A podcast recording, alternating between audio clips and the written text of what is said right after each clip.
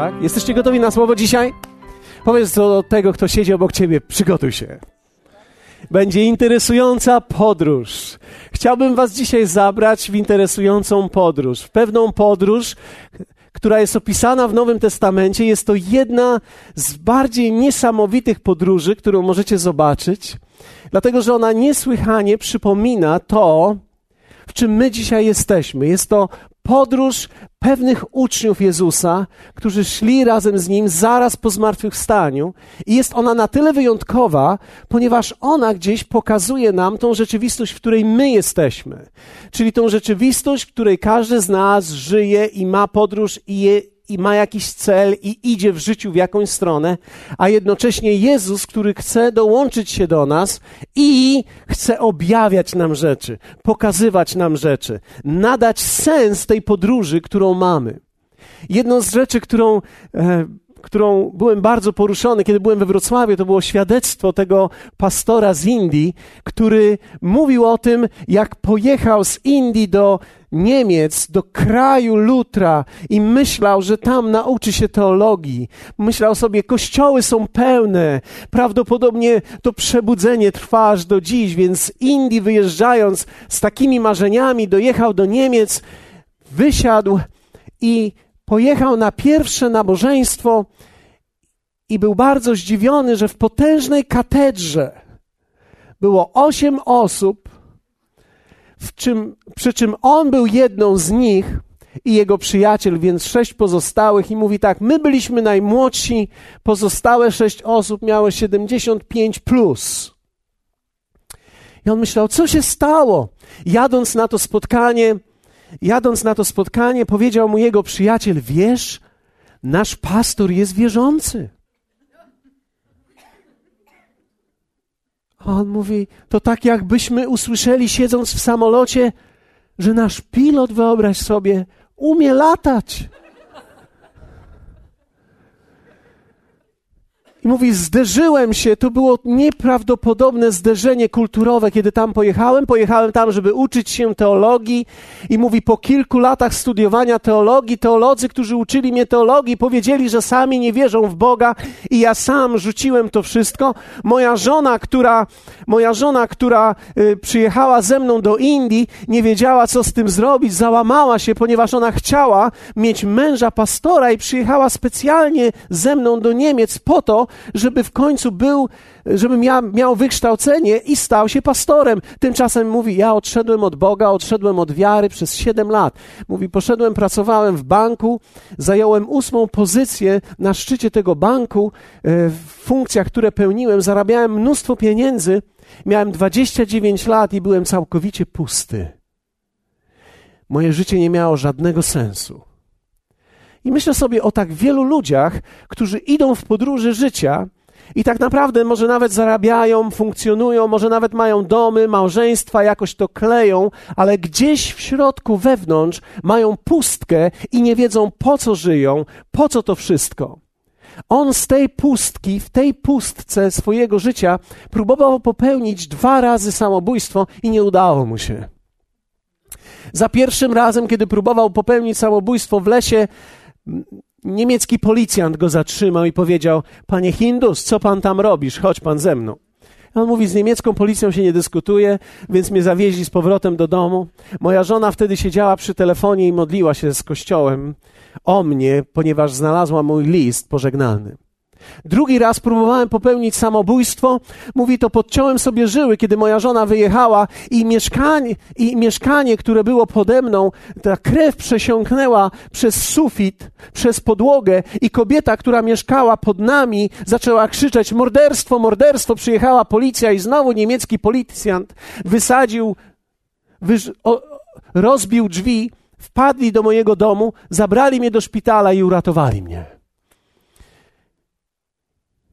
Mówi Bóg, po tym wszystkim mnie znalazł. Wiecie, myślę o tej pustce życia. Człowiek tak naprawdę jest pusty, kiedy nie widzi innego sensu oprócz tego, żeby coś zbudować, nawet zarobić, funkcjonować jakoś tak w społeczeństwie. To jest za mało. My potrzebujemy czegoś więcej.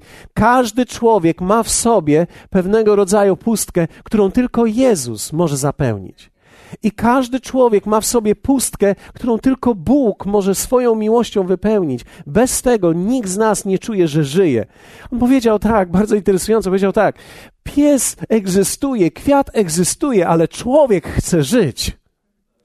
Człowiek chce czuć, że żyje, że funkcjonuje i ta podróż jest niesłychanie interesująca. Spójrzcie na Ewangelię Łukasza, przeczytajmy, 24.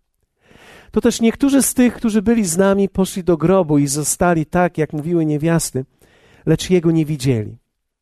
A on rzekł do nich: O głupi i gnuśnego serca, by uwierzyć we wszystko, co powiedzieli prorocy. Czy Chrystus nie musiał tego wycierpieć, by wejść do swojej chwały? I począwszy od Mojżesza, przez wszystkich proroków wykładał im, co o nim było napisane we wszystkich pismach. I zbliżyli się ci uczniowie do miasteczka, do którego zdążali, a on okazywał, jakby miał iść dalej. I przymusili go, by został, mówiąc: Zostań z nami, gdyż ma się ku wieczorowi. I dzień się już nachylił. I wstąpił, by zostać z nimi, a gdy zasiadł z nimi przy stole, wziął chleb, pobłogosławił i rozłamawszy, podawał im. Wtedy otworzyły się ich oczy i poznali go, lecz on znikł sprzed ich oczu. Niesłychana historia. Wiecie, chciałbym, żebyście spojrzeli na tą historię z perspektywy uczniów, bo to jest perspektywa, którą musimy zobaczyć. Oto mistrz, oto ich pan, oto zbawiciel świata przyszedł, aby wyzwolić Izrael. Każdy z uczniów w pewnym momencie życia zaczął układać sobie, jak będzie wyglądało jego życie, kiedy w końcu się już to stanie. Prawdopodobnie już zaczęli dzielić stanowiska, które będą mieli. Mieli nawet dyskusję, kto będzie siedział po prawej stronie, kto będzie siedział po lewej stronie, jak to będzie wyglądało, kiedy królestwo jego przyjdzie, ponieważ dla nich cały czas królestwo oznaczało pokonać wroga fizycznego, który był ich oprawcą, pokonać opresję Rzymu, wyzwolić naród i sprawić, że ich naród konsekwentnie będzie panował nad całą ziemią. Więc niektórzy z nich pomijali te poprzednie teksty Jezusa o śmierci i o, zmar- i o zmartwychwstaniu. Jak wielu z Was wie o tym, że kiedy masz nadzieję na to, że Twój mistrz przyprowadzi i zaprowadzi porządek na całej ziemi, to mowa jego o jego śmierci nie jest pozytywną mową. Więc oni cały czas mówili do niego: Nie, ty nie umrzesz, nie możesz umrzeć. Konsekwentnie Piotr, również apostoł, mówił: Nie, na pewno będzie wszystko dobrze i w pewnym momencie dochodzi do jego śmierci. W momencie, kiedy on umiera, wszystkie nadzieje ich legły w gruzach. Wszystkie. Niektórzy z nich zaczęli liczyć już, ile to stracili, ponieważ za nim poszli. Trzy lata zostawili biznesy. Dobrze prosperujące. Zostawili to wszystko i poszli za nim. Niektórzy z nich pozrywali relacje, żeby pójść za nim. Niektórzy z nich zainwestowali mnóstwo w tą służbę. Tymczasem on umarł. I skończyło się. Co z tym zrobić? Rozmawiali i nie mogli go znaleźć w grobie. Jakieś niewiasty mówiły, że go widziały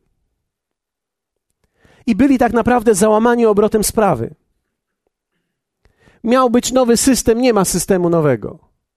Mało tego, to co było i wygląda gorzej niż wyglądało, ponieważ teraz myśmy zostali troszeczkę tak, jak przy tej podróży Foresta Gampa. Kto z Was oglądał? Oni myśleli, że teraz on się odwróci i przemówi do nich i że coś się stanie, a on powiedział: Zmęczyłem się. I poszedł do domu. Oni wszyscy tak stali. I wiecie, kiedy tą scenę widziałem na filmie, pomyślałem sobie, prawdopodobnie takie zamieszanie mieli uczniowie Jezusa. Gdy on umarł i odszedł. Co teraz? Kiedy Jezus przemawiał do nich, nawet oni wtedy nie wiedzieli, że to jest Jezus. Kobiety mówią, że widziały ogrodnika. To jest bardzo ciekawe dla koneserów, powiem tak. Adam również był ogrodnikiem. Adam miał pilnować ogrodu i nie upilnował ogrodu. Jezus również był ogrodnikiem, który opilnował ogród i który zrobił z ogrodem to, co trzeba. Mamy jednego ogrodnika, który nie spełnił swojej funkcji, i mamy drugiego ogrodnika, który spełnił swoją funkcję. Kobiety widziały go jako ogrodnika. I jako ogrodnik przyszedł do nich i tak jakby zajęty zaczął mówić do nich. I powiedział do nich, pierwsze słowa brzmiały: O głupi i gnuśnego serca. Bardzo ciekawe greckie słowo, kiedy spojrzymy na ten tekst, ono mówi tak: zmysłowi, nierozsądni, nieinteligentni, głupi. I to słowo gnuśne to jest zranione i przytłoczone. Przytłoczone i zranione serce nie widzi przyszłości. Byli zranieni, przytłoczeni, i kiedy jesteś zraniony i przytłoczony, nie widzisz tego, co będzie. Wiecie, każdy człowiek, który w danym momencie jest zraniony i dotknięty w swoim życiu, ma problem, żeby rozwijać swoją myśl o przyszłości, nic go wtedy nie interesuje, on jest po prostu załamany. I oni tacy byli, byli gnuśni, zranieni, przytłoczeni, załamani.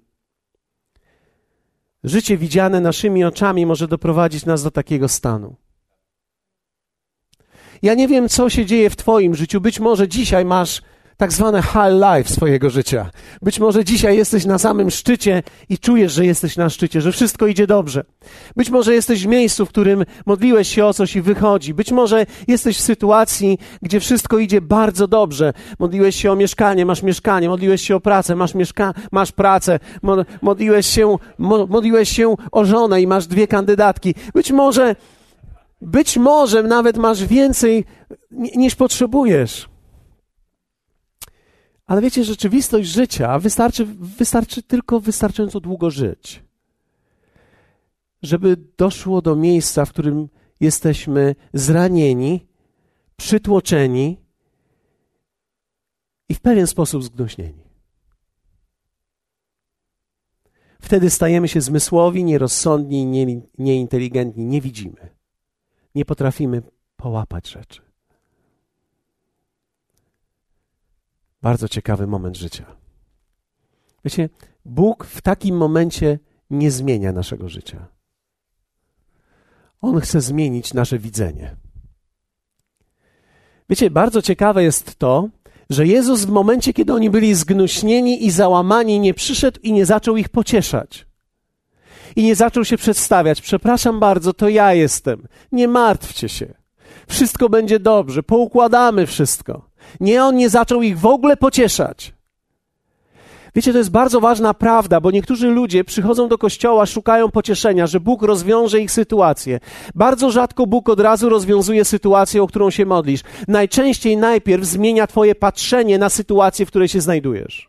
On zawsze zaczyna od tego, że On otwiera Tobie oczy, ponieważ Bóg rzadko kiedy ingeruje w Twoje życie bez Ciebie. On bardzo często potrzebuje Ciebie, aby naprawić Twoje życie. Czasami każdy z nas znajduje się w sytuacji i potrzebie cudu, ale wierzcie mi, Bóg zawsze i chętnie działa wtedy, kiedy w sytuacji opresji, w której się znajdujemy, On przychodzi i zmienia nasze patrzenie na to, w czym jesteśmy. Rzadko kiedy Bóg ułoży Twoje życie. Bóg zmieni Twoje patrzenie, abyś Ty wraz z Nim w Jego mocy mógł ułożyć swoje życie. Wierzcie mi, to jest niesamowite, ale jest jedna rzecz, która jest zachęcająca w tym fragmencie. To jest to, że Jezus im tłumaczył i zaczął im wykładać. Werset 27 mówi tak: I począwszy od Mojżesza, poprzez wszystkich proroków, wykładał im, co o nim było napisane we wszystkich pismach. Proszę Was, przez chwilę bądźcie ze mną, bo to jest bardzo ważne. Wyobraźcie sobie tą sytuację. Jezus tam jest, jest razem z nimi. Nie powiedział im, to ja jestem. Oni myślą cały czas, że to jest ogrodnik że ktoś z pracy tam oderwany zaczyna rozmawiać z nimi. I on zaczyna im tłumaczyć, począwszy od Mojżesza. On nie wyciągnął Biblii tak jak ja mam tutaj Biblię, ale począł im w drodze tłumaczyć: Słuchajcie, O Jezusie i od Mojżesza zaczął im wykładać z pisma wszystko, co było o nim napisane. Bardzo ciekawe to jest. Bo słowo mówi, że oni go słuchali przez całą drogę. Wiecie, większość ludzi, która ma problemy, chce sama mówić. Czy zwróciłeś uwagę, że czasami, kiedy masz problem w życiu, to ty chcesz Bogu wytłumaczyć? Panie, pozwól, że ci wytłumaczę. Panie, pozwól, że ci opowiem moją historię, tak jakby Bóg nie znał twojej historii. Panie, pozwól, że ci opowiem, jakie ja miałem ciężkie życie i dlaczego właśnie tak to wygląda. Tymczasem oni zamilkli w swojej własnej frustracji i pozwolili jemu mówić o sobie. Oni nie wiedzieli, że to jest Jezus, on im tłumaczył, począwszy od Mojżesza, dalej w tekście pisma. Przez wszystkich proroków wykładał im, co o nim było napisane we wszystkich pismach. Kto z Was chciałby taki spacer? Po kolei. A to było tu, a to było tu. Ja byłem wraz z Mojżeszem. O mnie było powiedziane, kiedy baranek był składany, to ja byłem. I zaczął im wyjaśniać, aby widzieli. Dlatego, że w momencie, kiedy jesteś sfrustrowany w życiu i kiedy jest ci trudno, potrzebujesz Bożej perspektywy na miejsce, w którym jesteś. Potrzebujesz widzieć to, co się w Twoim życiu dzieje, dokładnie z tego, jak Bóg to widzi. Bo kiedy patrzysz po ludzku, jesteś zawiedziony i jesteś i będziesz zgnuśniały. Czy ktoś z Was widział kiedyś zgnuśniałego wierzącego? O, wierzcie mi, to wcale nie jest aż tak rzadki widok. To jest bardzo częsty widok, kiedy ludzie wierzący są zgnuśniali i załamani. Dlaczego? Ponieważ nie wiedzą, co jest o nich napisane i nie wiedzą, jak Bóg widzi ich sytuację. Czują się porzuceni i załamani i oddzieleni. Oni nie widzą tego, że Bóg jest razem z nimi i że On chce coś zrobić. Dlatego musisz, kiedy jesteś w sytuacji trudnej, musisz przyjrzeć się, co Słowo mówi o Twojej sytuacji, co możesz zrobić wtedy. W Słowie zawsze jest odpowiedź, ale to zawsze jest czas i poszukiwanie. To jest pewien wysiłek. Dlatego idziesz, w momencie, kiedy masz trudne chwile, to nie jest moment, żeby od kościoła się odsuwać, to jest moment, żeby w kościele usiąść i otworzyć Biblię.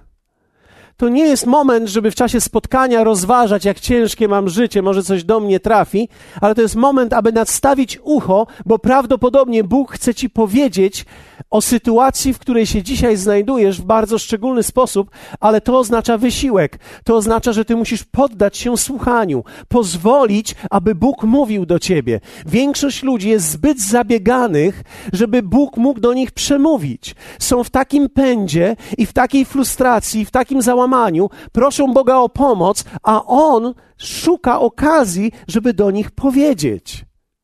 I to nie powiedzieć jestem ale wręcz nawet wytłumaczyć im z pisma, z tekstu słowa. Bóg kocha mówić do nas ze Słowa Bożego. Pozwól, aby Duch Święty pokazał Ci właściwy Twój tekst. Wiecie, ja wierzę w to, że każdy z nas, kto dzisiaj jest tutaj obecny, ma tekst z tego słowa nad swoim życiem. Jeszcze raz to powtórzę. Każdy, kto tutaj jest, ma nad swoim życiem wypowiadany Boży tekst. Pytanie jest, czy ty go słyszysz, czy ty go znasz. Dlatego, że jeśli ty go usłyszysz i ty go poznasz, będziesz wiedział, co masz dalej robić. Począwszy od Mojżesza, przez wszystkich proroków wykładał im, co o nim było napisane we wszystkich pismach. To jest długa podróż. To jest kilka godzin tłumaczenia. Chciałbym, żebyście spojrzeli na to. Jak wielu z Was pamięta Józefa ze Starego Testamentu, który był sprzedany przez swoich braci w niewolę? Jak wielu z Was pamięta, że bracia go nienawidzili? Sprzedali go, wrzucili go do studni najpierw, chcieli go tam zabić, w końcu go sprzedali w niewolę i w więzieniu spędził wiele lat. W Psalmie 105, w wersecie 17, czytamy jednak komentarz, który jest bardzo dziwny. Bardzo dziwny. Właśnie o Józefie. Powiedzmy razem dziwny. Zobaczycie, że jest dziwny ten komentarz. Ten komentarz z wersetu 17 mówi tak: Wysłał przed nimi męża Józefa sprzedanego w niewolę.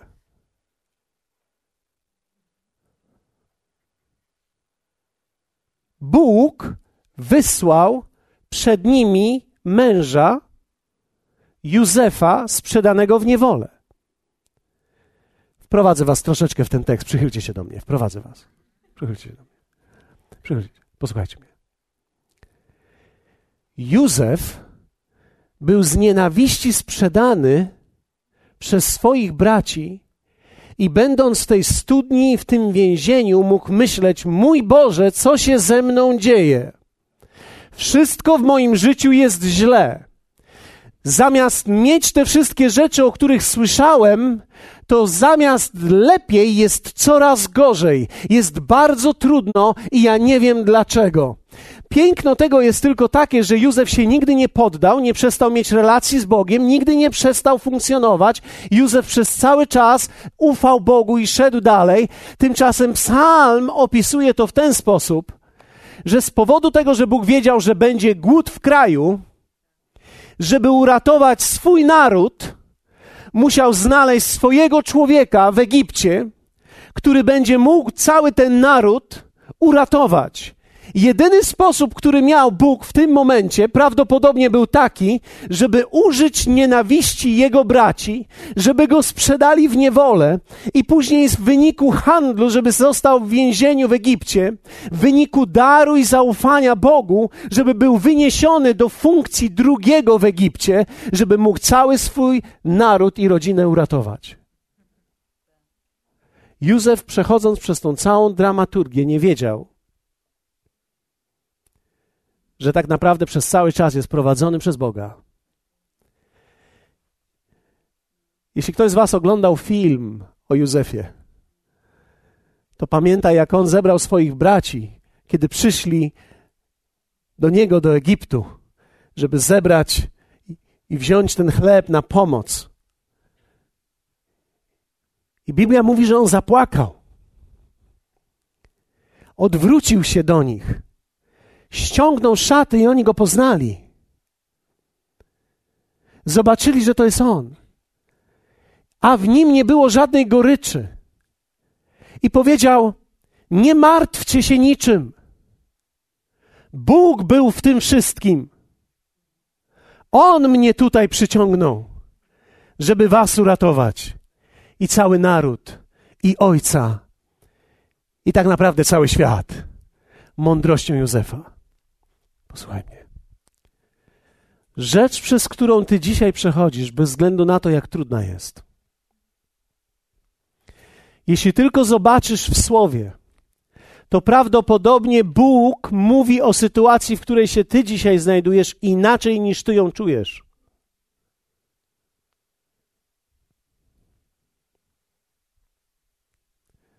Prawdopodobnie to, przez co przechodzisz dzisiaj, może być trudne, ale niebo widzi to inaczej. Mało tego, Bóg da ci siłę, żebyś przez to przeszedł. Bóg da ci łaskę widzenia, dlatego że tak naprawdę można zobaczyć rzeczy. Spójrzcie, co ci uczniowie zrobili. Po drugie, przymusili go, by został, mówiąc: Zostań z nami. Wiecie, coś ich zainteresowało w tym tekście to oznacza, że nie byli tylko religijni, gdzie mówią, a przyjdziemy w niedzielę na spotkanie, będziemy mieli spokój. Nie. Oni powiedzieli, my chcemy czegoś więcej i przymusili tego przypadkowego człowieka, żeby z nimi został. I to jest bardzo ciekawe, bo Jezus dał się namówić. Wyobrażacie sobie, Jezus miał jakiś cel, gdzieś szedł dalej i dał się namówić. Widzisz, Jezus da się zawsze namówić. Jezusa można namówić na głód, który masz wewnątrz. Jeśli pragniesz Go, Dlatego kolejna rzecz. Pierwsze, musisz zobaczyć, co słowo mówi o tobie, ale po drugie, musisz zapragnąć więcej. To wiecie, to głód ściąga Boże widzenie do naszego życia. To głód tak naprawdę w moim życiu sprawia, że ja chcę się dowiedzieć, jak Bóg widzi moją sytuację, jak Bóg widzi moje życie, jak Bóg widzi mnie. Przymusili go, by został. To słowo zostań z nami. To jest greckie słowo meno, oznacza przebywań, zostań, bądź z nami, wytrwaj z nami, posiedź z nami. Bądź z nami. Pomyśl, w jakim miejscu musi być człowiek, żeby powiedzieć: Mów do mnie więcej. Pamiętam, od czasu do czasu jestem na konferencji. I gdzieś kończę spotkanie.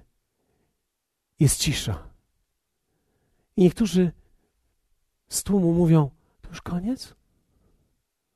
Kiedy będzie następne? Wiecie, to mówi mi, że głód jest ciągle obecny w sercach ludzi. Ludzie chcą słyszeć. Są ludzie, którzy mają głód i chcą słyszeć. Niektórzy mają już dość, a niektórzy chcą słyszeć. I ci, którzy chcą słyszeć, zobaczą coś więcej. Ci, którzy chcą słyszeć, ujrzą coś więcej. Dlatego, że kiedy on z nimi został, dokonała się niesamowita sytuacja. Zobaczcie. A gdy zasiadł z nimi przy stole, wziąwszy chleb, pobłogosławił, rozłamawszy, podawał im. Wtedy otworzyły się ich oczy i poznali go. Nagle go poznali. Zobaczyli, że to on. Wyobrażacie sobie ich nadzieje, które zostały poruszone? Wiedzieć, że nadzieja mojego życia nie umarła, ale żyje? Wiedzieć, że niebo ma nowe spojrzenie na sytuację, w której się znajduje. Niesamowite. To, w jaki sposób się to stało, jest. Nie... Zasiadł z nim przy stole, wziął chleb i mamy tutaj takie skromne słowo pobłogosławił. Bardzo skromne słowo. Powiedzmy razem, pobłogosławił. Większość z nas ma takie wyobrażenie. Pobłogosławił, to znaczy, Panie, błogosławię ten chleb. Ale greckie słowo użyte tutaj mówi zupełnie i nadaje temu, tej akcji zupełnie nową dynamikę. Błogosławił to jest słowo olgeo które oznacza uwielbić, mówić dobrze o czymś, o kimś dobrze, wzniośle i obficie. To mi mówi jedno, że Jezus miał swój styl.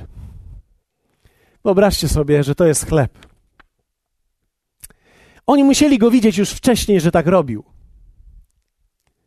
Więc kiedy zrobił to ponownie, to zmieniło wszystko. Ponieważ pamiętajcie, oni byli gnuśni, powiedzmy razem gnuśni, załamani. A on wziął ten chleb, łamał i zaczął wielbić Boga. Dziękuję Ci, Ojcze. Jesteś taki wspaniały, jesteś taki cudowny. Tak wiele dokonałeś i tak wiele mamy wspólnego. Ty jesteś ze mną, ja jestem z Tobą, Ty jesteś tutaj w tym miejscu. Zauważyliście, że niektórzy ludzie mają specyficzny rodzaj modlitwy, każdy człowiek ma swój sposób? Czasami widzimy to po tych, którzy prowadzą. Oni mają swój sposób prowadzenia, swój sposób modlitwy, używają specyficznej formuły w słowach.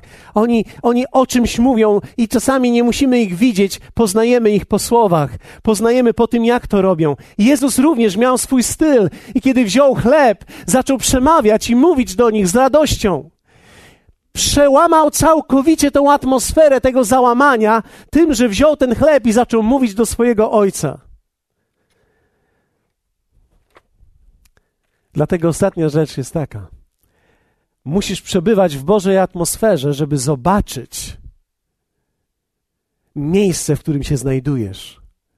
Wiecie, człowiek musi pozwolić sobie wejść w atmosferę Bożą, wejść w Bożego Ducha. Ktoś musi ją dla ciebie wytworzyć, żebyś zobaczył to w nowy sposób. Czasami my jesteśmy tak załamani, że potrzebujemy kogoś, kto się będzie modlił o nas.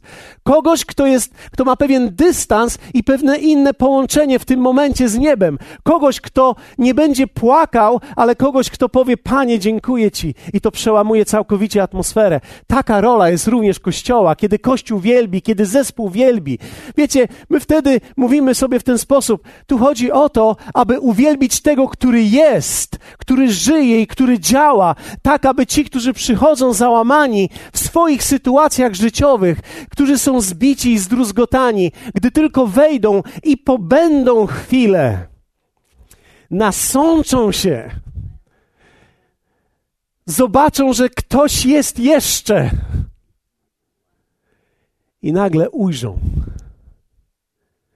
Czasami nie od razu się dołączą do tego, ale po prostu pobędą chwilę. Wiecie, to jest wielka siła być z kimś, kto jest w Bożej atmosferze.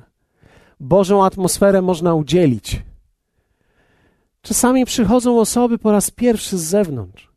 I wiecie, czasami możemy dyskutować o piosence, kto śpiewa, kto jak śpiewa, albo jaka piosenka, albo jakie jest ciśnienie dzisiaj, albo wysokie, albo niskie, albo jak długo, albo jak krótko. Tak naprawdę nie chodzi o nic w tej kwestii, tylko o Bożą atmosferę, żeby On się mógł manifestować. Dlatego, że kiedy jesteśmy w Bożej atmosferze, rzeczy widzimy inaczej. Musisz zobaczyć, co Słowo mówi o Tobie. Musisz przylgnąć i wziąć bliżej Słowo przymusić, żeby z Tobą zostało i pozwolić, aby Boża atmosfera otoczyła Ciebie. I wtedy zobaczysz, że to, przez co przechodzisz w życiu, ma dwa jakby oblicza. Z jednej strony jest to trudne, ale jeśli zaufasz w tym Bogu, On poprowadzi Ciebie. I On nie spowoduje, że umrzesz w tym miejscu, ale pójdziesz dalej, w konsekwencji zwyciężysz i nie tylko Ty zwyciężysz, ale inni ludzie z Tobą ten pastor z Indii, który głosił wczoraj we Wrocławiu, musiał przejść dwa razy różne rzeczy. I Bóg nie zrezygnował z niego. Kiedy był w pokoju, w depresji, w załamany, przysłał do niego jakiegoś człowieka, który pukał do drzwi tak długo, aż on otworzył. Niesamowite.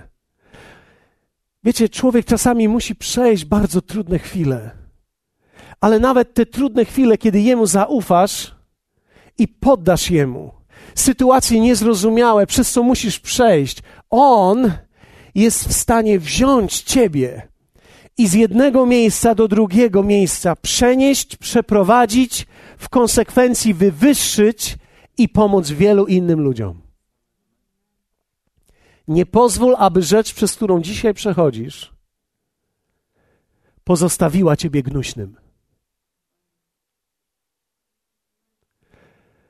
Przyjdź do Niego.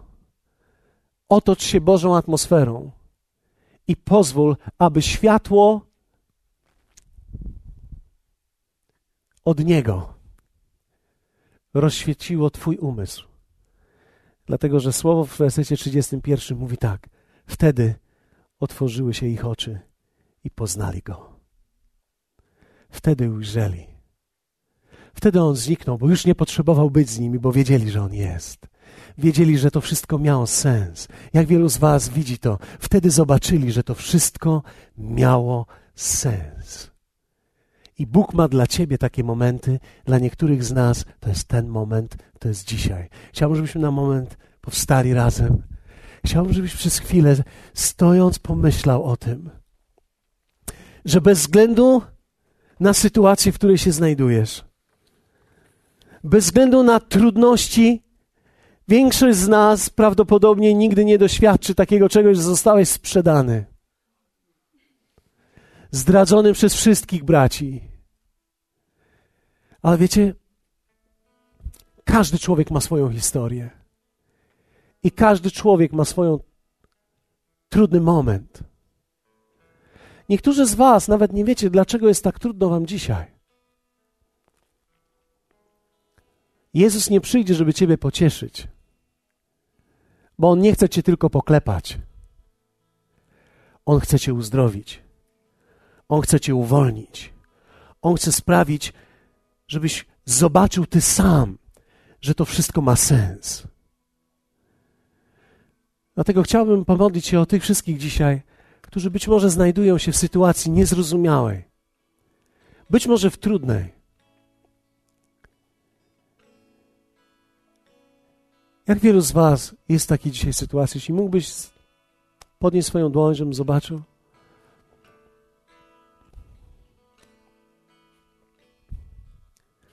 Jak wielu z Was było kiedyś w takiej sytuacji? Okay. Wierzycie w to, że On jest tutaj? Wiecie, Słowo Boże mówi w liście do Hebrajczyków bardzo prosto. Mówi tak. Każdy, kto przychodzi do Boga, musi uwierzyć, że On jest. Nie, że istnieje tylko, ale że On jest w tym miejscu, w którym On jest. Dlatego przez wiarę możemy dzisiaj przyjść do Niego i poprosić, aby otworzył nasze oczy. I chciałbym Ci powiedzieć, że Jezus dzisiaj jest w tym miejscu. Jeśli Go potrzebujesz w jakiejkolwiek dziedzinie i obszarze, podejdź do przodu tutaj. Będziemy modlić się wspólnie razem. Nie bój się. Nie bój się innych ludzi. Niech Twoja determinacja bycia z Nim, światła, które jest od Niego, będzie większa niż jakikolwiek ich wstyd od ludzi, czy to, że nagle wyjść do przodu gdzieś. Nawet jeśli jesteś po raz pierwszy i masz potrzebę jakąkolwiek, po prostu pomodlimy się. I ja wierzę w to, że Jezus będzie tutaj. Przyjdzie do Ciebie i pokaże Ci miejsce, w którym jesteś. Będziemy wierzyć o nich również tutaj? Uwaga, Ojcze. Nie musicie powtarzać, chciałbym, żebyście po prostu byli przed Nim. Ojcze, proszę Ciebie, abyś otoczył ich atmosferą Jezusa. Duchu Święty, proszę Ciebie, abyś w ponadnaturalny sposób przyszedł i usłużył tym ludziom, którzy wyszli dzisiaj do przodu. Miejsce, w którym dzisiaj są, to niezrozumiałe miejsce sytuacje i okoliczności życia, które są dla nich zagadką. Wielu z nich ma bolesne sytuacje. Proszę Ciebie, abyś w ponadnaturalny sposób dołączył się do ich drogi i podróży. Mów do nich ze słowa. Proszę Ciebie, abyś objawił im fragment dla nich, który jest życiodajny. Modlę się, abyś otoczył ich atmosferą swojego królestwa i siebie samego. Bądź razem z nimi w tym i objaw im siebie. Otwórz ich oczy w imieniu Jezusa.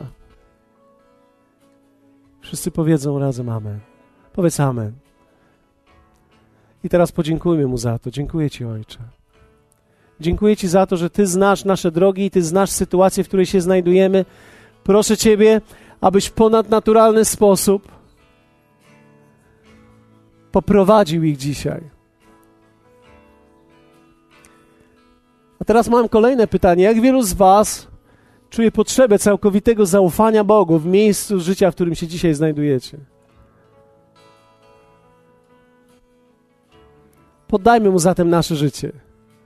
Widzisz, zaufanie rodzi prowadzenie.